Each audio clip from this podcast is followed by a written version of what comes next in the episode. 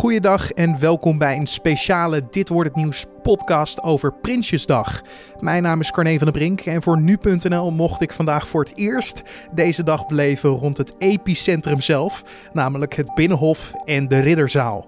Straks ga ik in gesprek met politiek verslaggevers Edo van der Groot en Avinash Biki. En dan vraag ik ze naar hoe zij deze dag hebben beleefd en wie zij nog hebben gesproken. Maar laten we eerst luisteren naar de hoogtepunten van de troonrede van dit jaar. Leden van de Staten-Generaal. Vandaag, precies 75 jaar geleden, begon operatie Market Garden.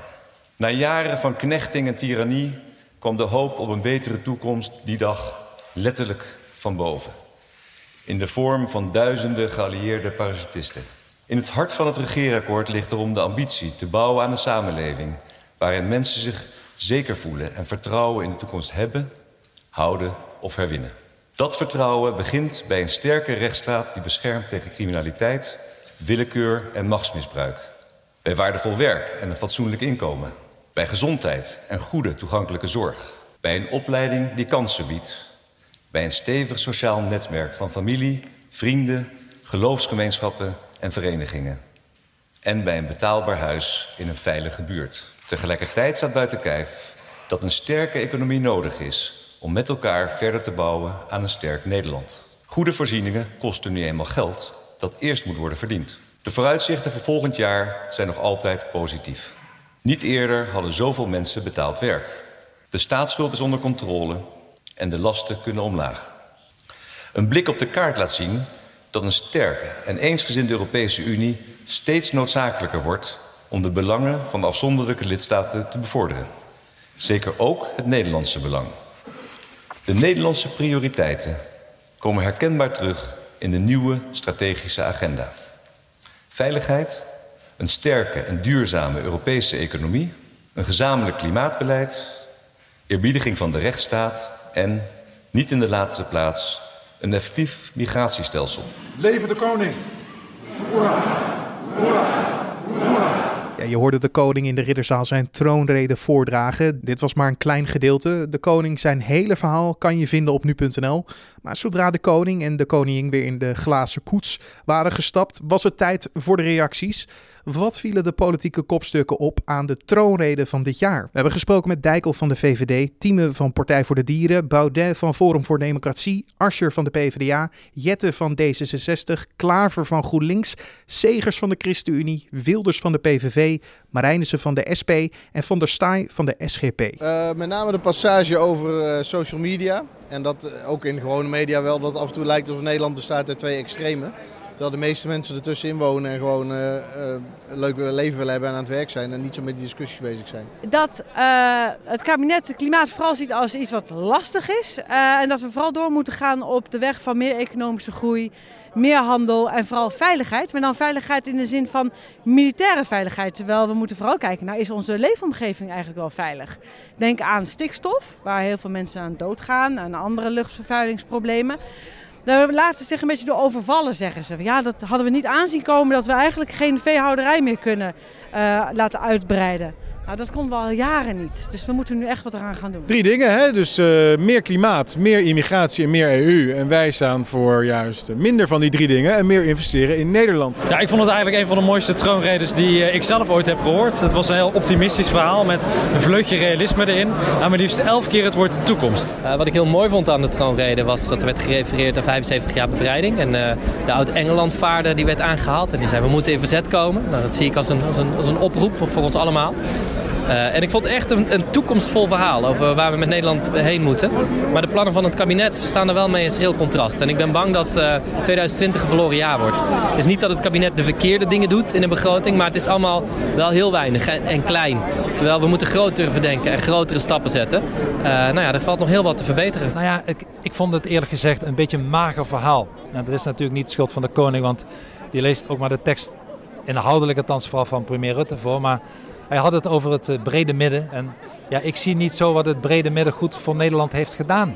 Grote problemen lossen ze niet op met criminaliteit en islam. En ja, de koning noemde het, uh, het, het, het pensioenakkoord en het klimaatakkoord. Nou, het pensioenakkoord, wat merken mensen ervan? De pensioenen worden volgend jaar weer gekort. Het, het, het klimaatakkoord kost de mensen alleen maar meer en meer geld. Dus ik had gehoopt dat er nu een keer een forse belastingverlaging zou komen. Niet een paar miljard euro, maar gewoon die 10 miljard die op de plank ligt aan overschot. Dat gewoon het eigen risico verdwijnt of de BTW weer omlaag gaat. Iets waar mensen echt wat aan hebben.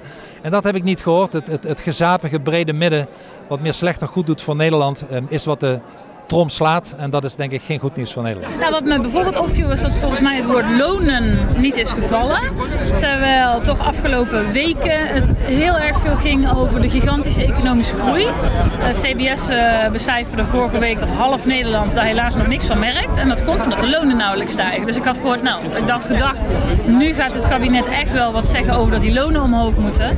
Uh, bijvoorbeeld door het minimumloon te verhogen of de salarissen in de publieke sector te verhogen. Ik heb er helemaal niks over gehoord. Sterker nog, de koning kwam met een soort winstwaarschuwing. Nou, nu gaat het nog goed mensen met de economie. Maar let op, vanaf volgend jaar kan het misschien al wat minder zijn. Ja, de koning benadrukte in de jaarlijkse toespraak dat de Nederlandse economie blijft groeien. Desondanks is die groei volgens de koning de komende jaren gematigder. Door onder meer gebeurtenissen als de brexit en internationale handelsconflicten is de economie toch kwetsbaar. Tegelijkertijd voelt de Nederlander nauwelijks dat het economisch beter gaat. Wij vroegen aan de heren en dames van de politiek of zij nog geloven dat dit kabinet die belofte nog kan inlossen, dat het economisch beter gaat. Je kunt wel zeggen, er komt nu een beetje koopkracht, maar de onzekerheid, die winstwaarschuwing. Hou ik mijn baan als er een nieuwe recessie komt? Waarom is er geen leraar voor de klas van mijn kinderen? Zijn er überhaupt verpleegkundigen die mijn ouders kunnen verzorgen? Daar doen ze te weinig aan. En daardoor zullen mensen blijven, het gevoel blijven hebben, die vooruitgang is er niet voor ons. Wat is wat u betreft de oplossing? Hoe, hoe gaan eh, de mensen thuis dat, uh, die economische groei nu wel echt voelen? Ik denk dat je eh, vanochtend dat NOS-onderzoek wat ik aardig vond, waarin ze zeiden... Uh, mensen gevraagd hebben wat moet er nu gebeuren met het begrotingsoverschot. En zij zeggen steek het nou in het onderwijs, in de zorg en in de politie. Dat is ook mijn pleidooi.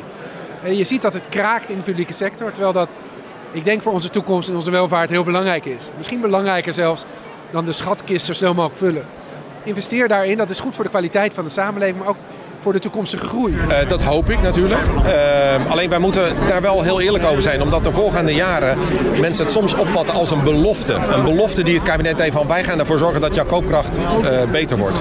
Terwijl ehm, wij hebben niet de, de, de, zeg maar de, de kruispunten van het leven, een scheiding of je gaat naar een andere baan. Dat hebben wij niet in de hand. Wij hebben CEO's niet in de hand. Dus heel veel factoren hebben wij niet in de hand. Of het een koude winter of een, of een, een beetje een laffe winter is.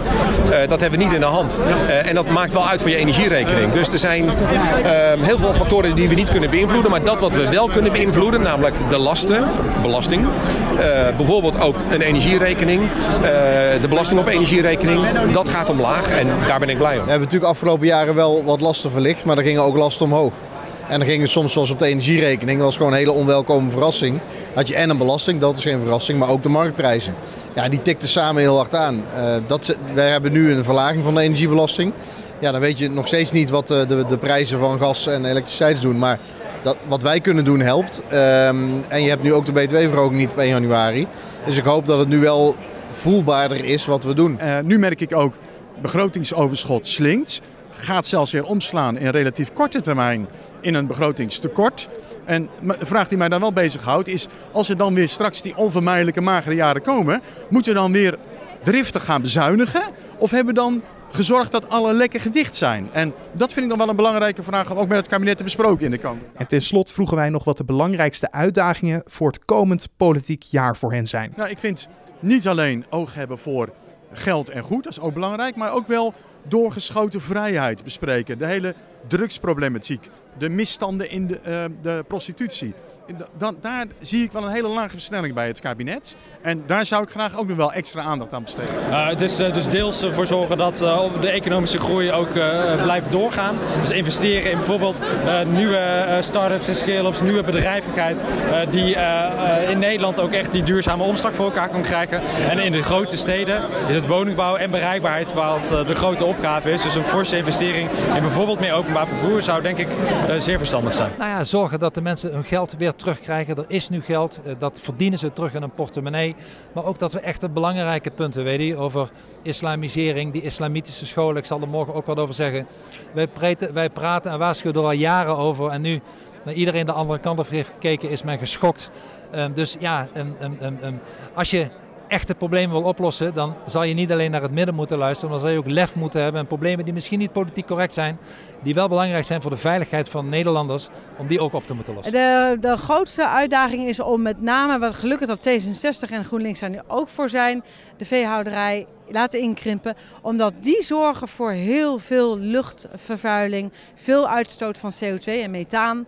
En we dat gewoon ons niet meer kunnen veroorloven. Dat is de uitvoering van de uh, akkoorden. Dus dat gaat om het uh, uh, klimaatakkoord, gaat om het pensioenakkoord. Dus dat is veel uitvoering. en nu de investeringsagenda. Dus dit, wil ook een, dit kabinet wil ook een kabinet zijn dat een agenda ontwikkelt voor de langere toekomst, voor de verdere toekomst. ja, dan, dan, is het van belang dat als het gaat om onderwijs, om innovatie, om infrastructuur, dat heel het land kan mee profiteren. Dat alle jongeren en alle vormen van onderwijs daar dat daarin geïnvesteerd wordt. Uh, dus ja, dan gaat het debat natuurlijk wel beginnen. Hoe gaan we investeren? Maar dat we gaan investeren, dat we flink gaan investeren, daar ben ik heel blij mee. Wat mij betreft, ik wil heel graag plannen steunen die, die meer doen aan de publieke sector. Maar wat er nu ligt, is onvoldoende. Het mist. Het is toch een blinde vlek. De koning had het er wel over zijn leraartekort. En toen ging hij over naar het volgende onderwerp. Toen ik dacht, ja, nu komt het. Dat wil ik heel graag de komende twee dagen helpen invullen. En uw deur staat open? Zeker, zeker. En dan schakelen we over naar onze politiek verslaggevers Edo van der Groot en Avinash Biki. Heren, uh, als ik jullie vraag, hoe hebben jullie deze dag beleefd en wat voor dag is het? Hoe reageren jullie dan? Ja, uh, dit is natuurlijk wel een dag vol tradities.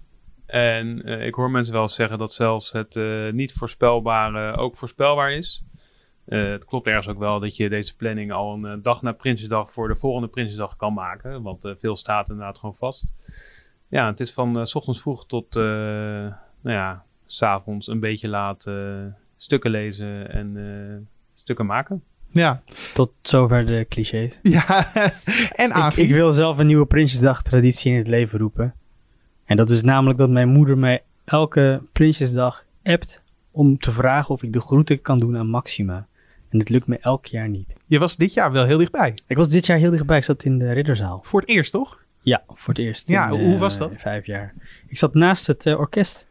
Dus ik had af en toe uh, wat slechter uh, zicht dan, dan gewild. Maar ja, leuk om mee te maken. Hè? Leuk om daar een keer te zijn.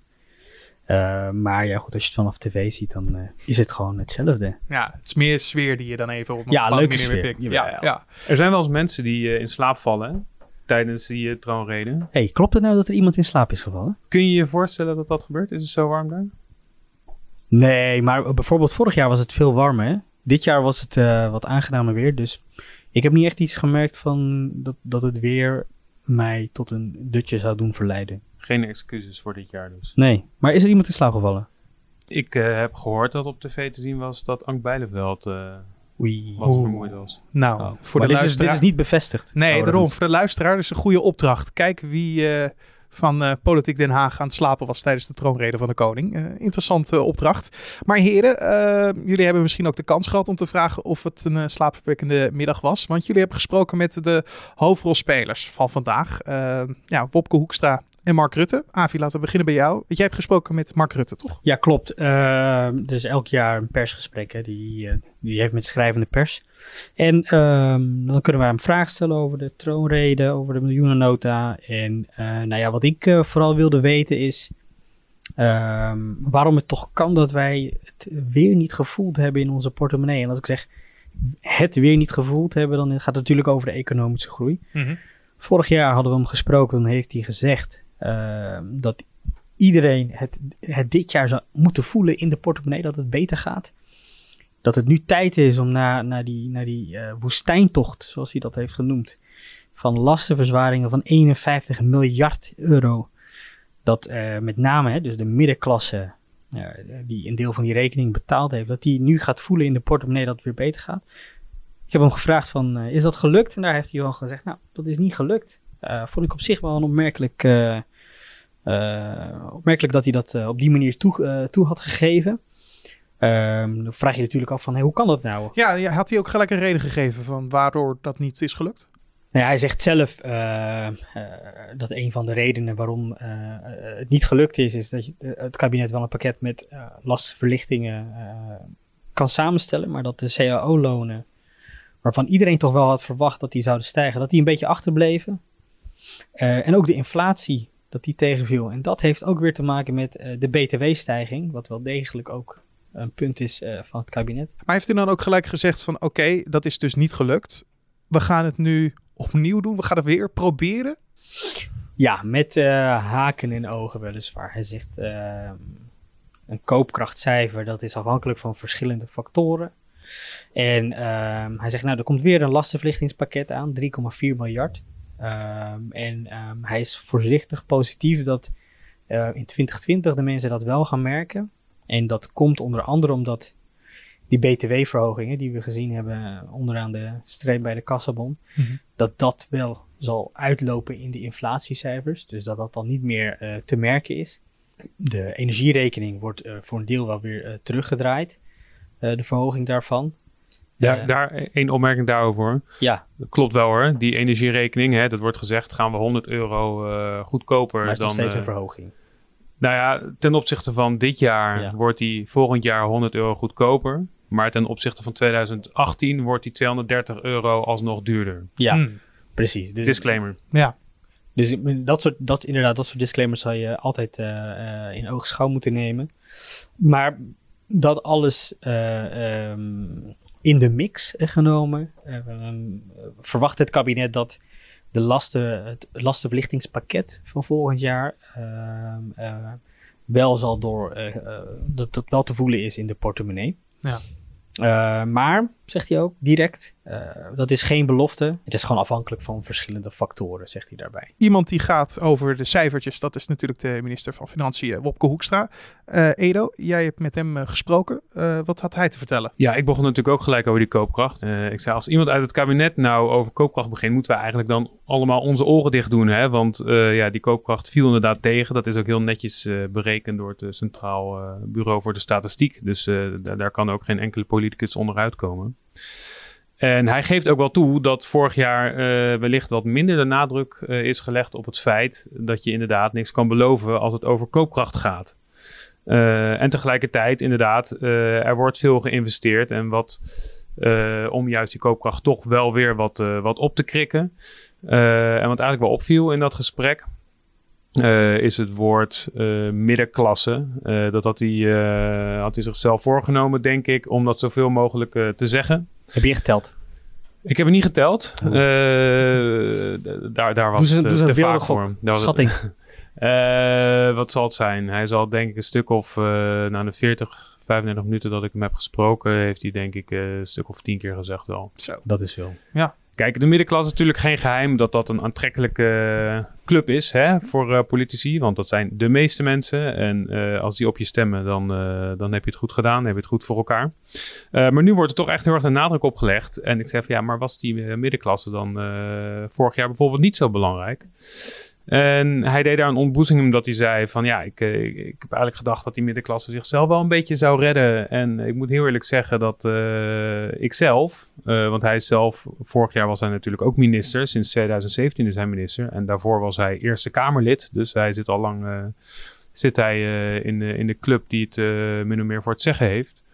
Um, ja, zegt hij van ik, ik, heb, ik heb dat gewoon onderschat. Heeft hij ook nog iets gezegd over wat mij heel erg opvalt, is dat het inderdaad middenklasse is. Uh, en de grote bedrijven, de bedrijfstak die het misschien ook wat moeilijker gaat krijgen qua belastingen. Want dat soort dingen die de grote internationals zoals Shell in 2021 ook weer mee belast zullen worden. Um, heeft hij daar nog iets over gezegd? Ja, het, het, het is een raadsel. Hè? Want ik, ik zat vorig jaar, uh, had ik dit gesprek ook met, uh, met, met Hoekstra. Uh, toen was het inderdaad zo dat we vooral niet uh, naïef zouden moeten doen over het feit dat de dividendbelasting uh, niet wordt geschrapt. Want dat was belangrijk voor de werkgelegenheid en de bedrijven zouden hier blijven en daar moesten we allemaal niet lichtzinnig over doen. En nu zat ik tegenover hem en ja, was, hadden we te maken met het feit dat de winstbelasting, de verlaging van de winstbelasting wordt uitgesteld.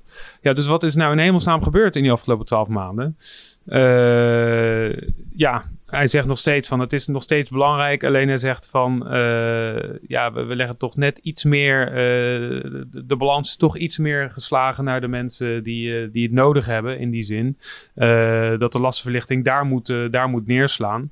Maar het is wel zo dat dit een draai van 180 graden is ten opzichte van, van een jaar geleden. Als je kijkt hoe dit kabinet met het bedrijfsleven omgaat. Ja, ik had, ik had het zelf ook bij Rutte. Die vraag is natuurlijk ook gesteld. Hè? Want een jaar geleden ging het over niets anders dan de dividendbelasting. Precies. En dat hij uh, dat tot in zijn vezels voelde dat dat moest gebeuren. We zouden anders veranderen in een soort België. En uh, een onverantwoord risico nemen met de, met de uh, economie van Nederland. Hij ziet het zelf niet als een verandering van beleid. is het natuurlijk wel. En hij heeft, hij heeft ook gezegd, bijvoorbeeld van de VVD, wij blijven een pro-bedrijfsleven partij, zegt hij zelf. Ik vond het ook wel opmerkelijk dat hij zei, dit is gewoon, ik, ik quote nu hoor, um, maar waar we in het verleden bij veel, veel van het bedrijfsleven accepteerden, zie je nu dat we dat minder snel doen en zeggen, ja jongens, jullie moeten wel je bijdrage leveren aan de samenleving. Ja, dat is wel echt een andere van de, van, van de vezels in zijn lijf dat de dividendmaatregel moet worden afgeschaft. Tot uh, dat je moet bijdragen aan de koopkracht ja. van. Uh, maar ja, 180 graden. Het, het is uh, de verantwoordelijkheid volledig ergens anders leggen. Maar kunnen we deze dag dan samenvatten als een dag waarop het kabinet 180 graden is gedraaid? Op sommige punten? Ja, ik zou wel zeggen op dit punt. Maar anderzijds, kijk, als we vooruitkijken hè, naar de thema's die, die, die volgen. Ik zeg, kijk, zo bijvoorbeeld zo'n klimaatakkoord. Uh, de uitwerking daarvan, dat loopt natuurlijk al veel langer. Pensioenakkoord, hetzelfde verhaal. Nou, dus, nu is dus bekend geworden dat volgend jaar een investeringsfonds komt. Uh, daarvan wordt ook heel interessant om te zien hoe, hoe, dat er dan precies uitziet. Want ik vind het zelf allemaal nog een beetje vaag. Uh, we hadden de Rutte er ook naar gevraagd. Hoe moet dat er dan uitzien? Hoe zorg je ervoor dat een volgend kabinet niet zegt van dit project cancelen we, want daar zien we niks in zitten. Is dat dan niet weggegooid belastinggeld? daar had Rutte nog op dit moment nog geen ant antwoorden op. Uh, dus weet je, dat idee is er nog wel, maar concreet, ik weet niet hoe jij dat uh, hebt ervaren bij nou, Extra. Dat, ik, ik werd er niet ik, heel veel wijzer van. Nee, en, en ik heb hem wel wat, wat, wat meer daarnaar gevraagd. Uh, maar hoe meer, ik het, hoe meer antwoorden, hoe, uh, hoe onduidelijker ik het werd. Ja. ja. kijk, het is, het is een fonds uh, waarvan hij zegt enkele tientallen miljarden. Nou, er, er wordt gefluisterd in Den Haag dat het 75 tot 100 miljard kan zijn. Dan denk je, wow, veel geld. Wie heeft een 100 miljard op zijn rekening? Nou, dat gaat dus ook niet gebeuren. Hij gaat niet in één keer 100 miljard euro van de kapitaalmarkt lenen. Maar hij gaat per project wat Nederland op de lange termijn beter kan maken, gaat hij geld lenen en dat geld investeren vervolgens in zo'n project. Maar ja, als de rente stijgt, wordt dat geld ook weer duurder. Betekent dat dan het einde van, uh, van zo'n investeringsfonds? Wat hem betreft niet, want hij vindt het een goed idee. Maar ja, goed, weet je, de, de handen en de voetjes moeten ja. nog zichtbaar worden. Dus uh, volgend jaar. Maar jullie gaan in ieder geval de plannen nog verder bekijken om analyses op los te laten. En jullie volgen de algemene beschouwingen. Dus dankjewel, politieke verslaggevers Avina Spiki en Edo van der Goot. Dank jullie wel. Ja, dit was dan de speciale Prinsjesdag. Dit wordt het nieuws podcast. Je kan ons laten weten wat je van deze uitzending vond door een mailtje te sturen naar podcast.nu.nl of een recensie achter te laten in iTunes. Mijn naam is Carne van der Brink. Bedankt voor het luisteren en tot een volgende.